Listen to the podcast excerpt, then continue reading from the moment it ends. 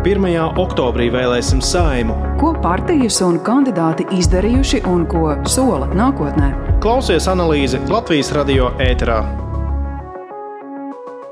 Gaidāmajās saimas vēlēšanās piedalās vairākas jaunas, pavisam nesen dibinātas partijas, to starpā arī stabilitātei, kuras līderi, neskatoties uz nosaukumu, gan vairāk izskatās un izklausās pēc brīdinājuma signāla. Par šo politisko spēku, kas tiek dēvēts par prokrievisko un antivakseru partiju, es, Skirmante Baļķūte, izstāstīšu turpmākajās minūtēs. Ieraugot deputātu kandidātu grupu no partijas stabilitātei, koši oranžajos džemperos un vestēs, daži rīznieki atlec kā no uguns, citi mierīgi paņem bukletus. Nu, tā neviens nesūta nekur, nu, bet tie, kuriem uzreiz nekas nav vajadzīgs, ir tie, kuri var izklausīt mums, uzdot kādus jautājumus. Savukārt bērni no sirds priecājas par spilgtiem baloniem. Tā ir košs. Tā ir košs.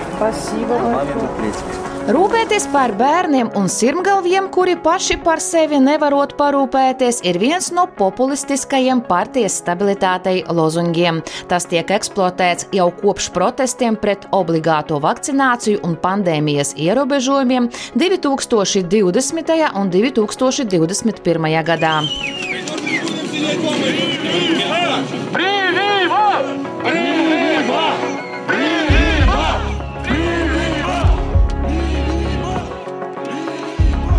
Partijas stabilitāte ir viena no jaunākajām, kas piedalās gaidāmais saimas vēlēšanās. Tā reģistrēta tikai pagājušā gada janvārī.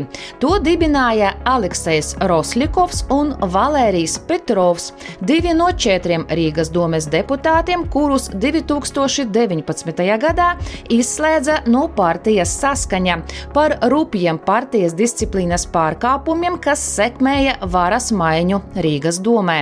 Sākumā Kuļakovs un Petrovs neveiksmīgi startējuši Rīgas domes ārkārtas vēlēšanās ar uz ātru roku izveidoto partiju alternatīve, bet pēc tam tika dibināta biedrība un vēlāk arī visai karavīgi pret esošo varu noskaņotā partija stabilitātei. Mēs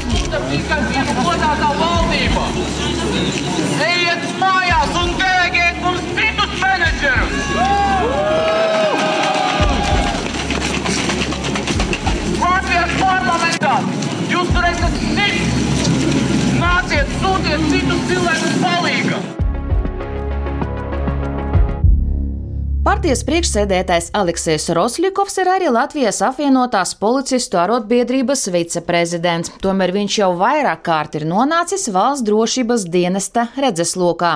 2019. gadā notika kratīšana viņa, toreiz Rīgas domes pilsētas attīstības komitejas vadītāja kabinetā, krimināla procesā par nacionāla, etniskā un rasu naida kurināšanu Rosļikovam toreiz tika piemērots liecinieka status bet pēdējā laikā uz valsts drošības dienestu viņš un viņa partijas biedri tiekot izsaukti regulāri.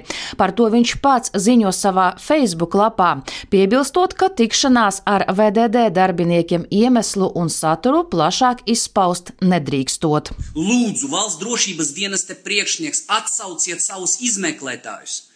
Un, protams, ļoti kompetentus darbiniekus no mums. Mēs neesam valsts ienaidnieki, neatkarīgi no tā, kurā valodā mēs runājam mājās, kā mūs visus sauc un pie kādas etniskas daļas jūs mūs attiecināt.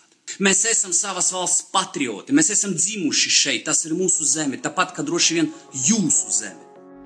Lielākā daļa, te jau 94% partijas stabilitātei deputātu kandidātu savu tautību nav norādījuši. Saziņā ar vēlētājiem politiķi aktīvi izmanto sociālos tīklus, kur pārsvarā ievieto materiālus Krievu valodā. Piemēram, par to, ka valsts mums lieliska, bet politiķi citējot esot sūds un esošo režīmu vajagot nomainīt. Tajā skaitā, nu, protams, lai aizsargātu bērnus un sirmgalvjus. В школах Латвии начали запускать анкеты с проверкой на лояльность режиму Латвии, друзья. Latvijas skolās sākuši izdalīt anketas, lai pārbaudītu lojalitāti Latvijas režīmam.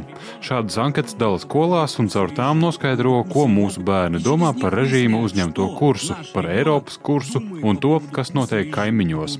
Draugi, es domāju, ka tas pat nav zemākais punkts. Tā ir elle, kuru nepieciešams apturēt.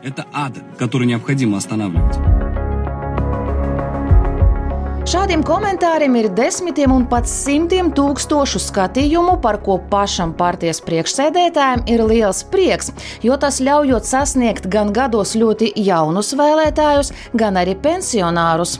Uz dotu momentu, pateicoties tam, ka esoša valdība aizliedza krievu runājošos medijos, pensionāri ir aizgājuši uz digitālo pasauli. Un uz dotu momentu mēs ļoti skaidri redzam, ka pensionāri tiešām atrodas TikTokā.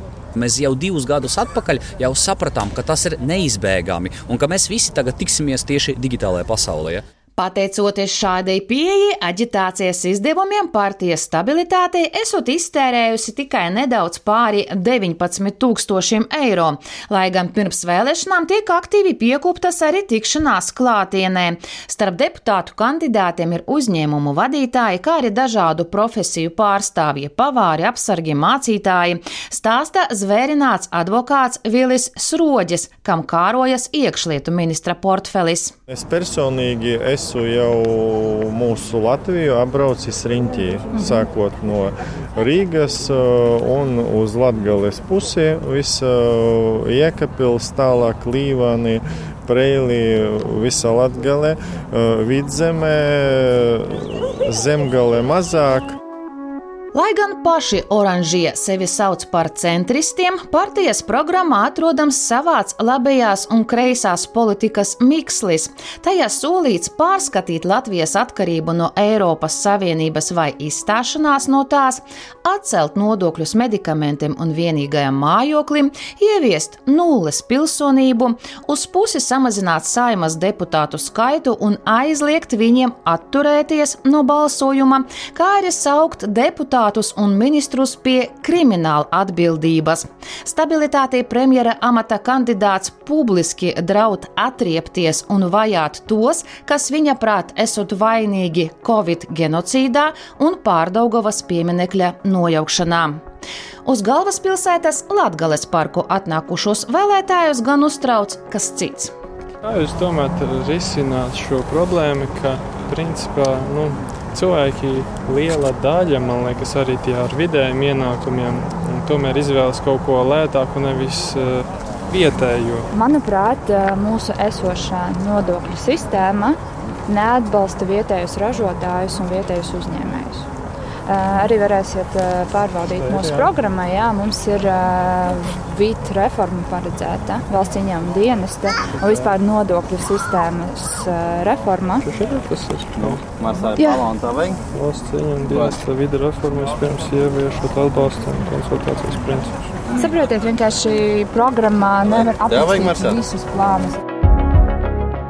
Tuvojoties vēlēšanām, stabilitātei savu reitingu ir pratusi pastāvīgi pieaudzēt, taču arī pēdējos SKDS aptaujas datos tā izdevies vien savākt drošu 3,1% atbalstu, kas liecina par sīvu spēkošanās ar tai nedaudz radniecīgo un populārāko Latvijas-Krievu savienību.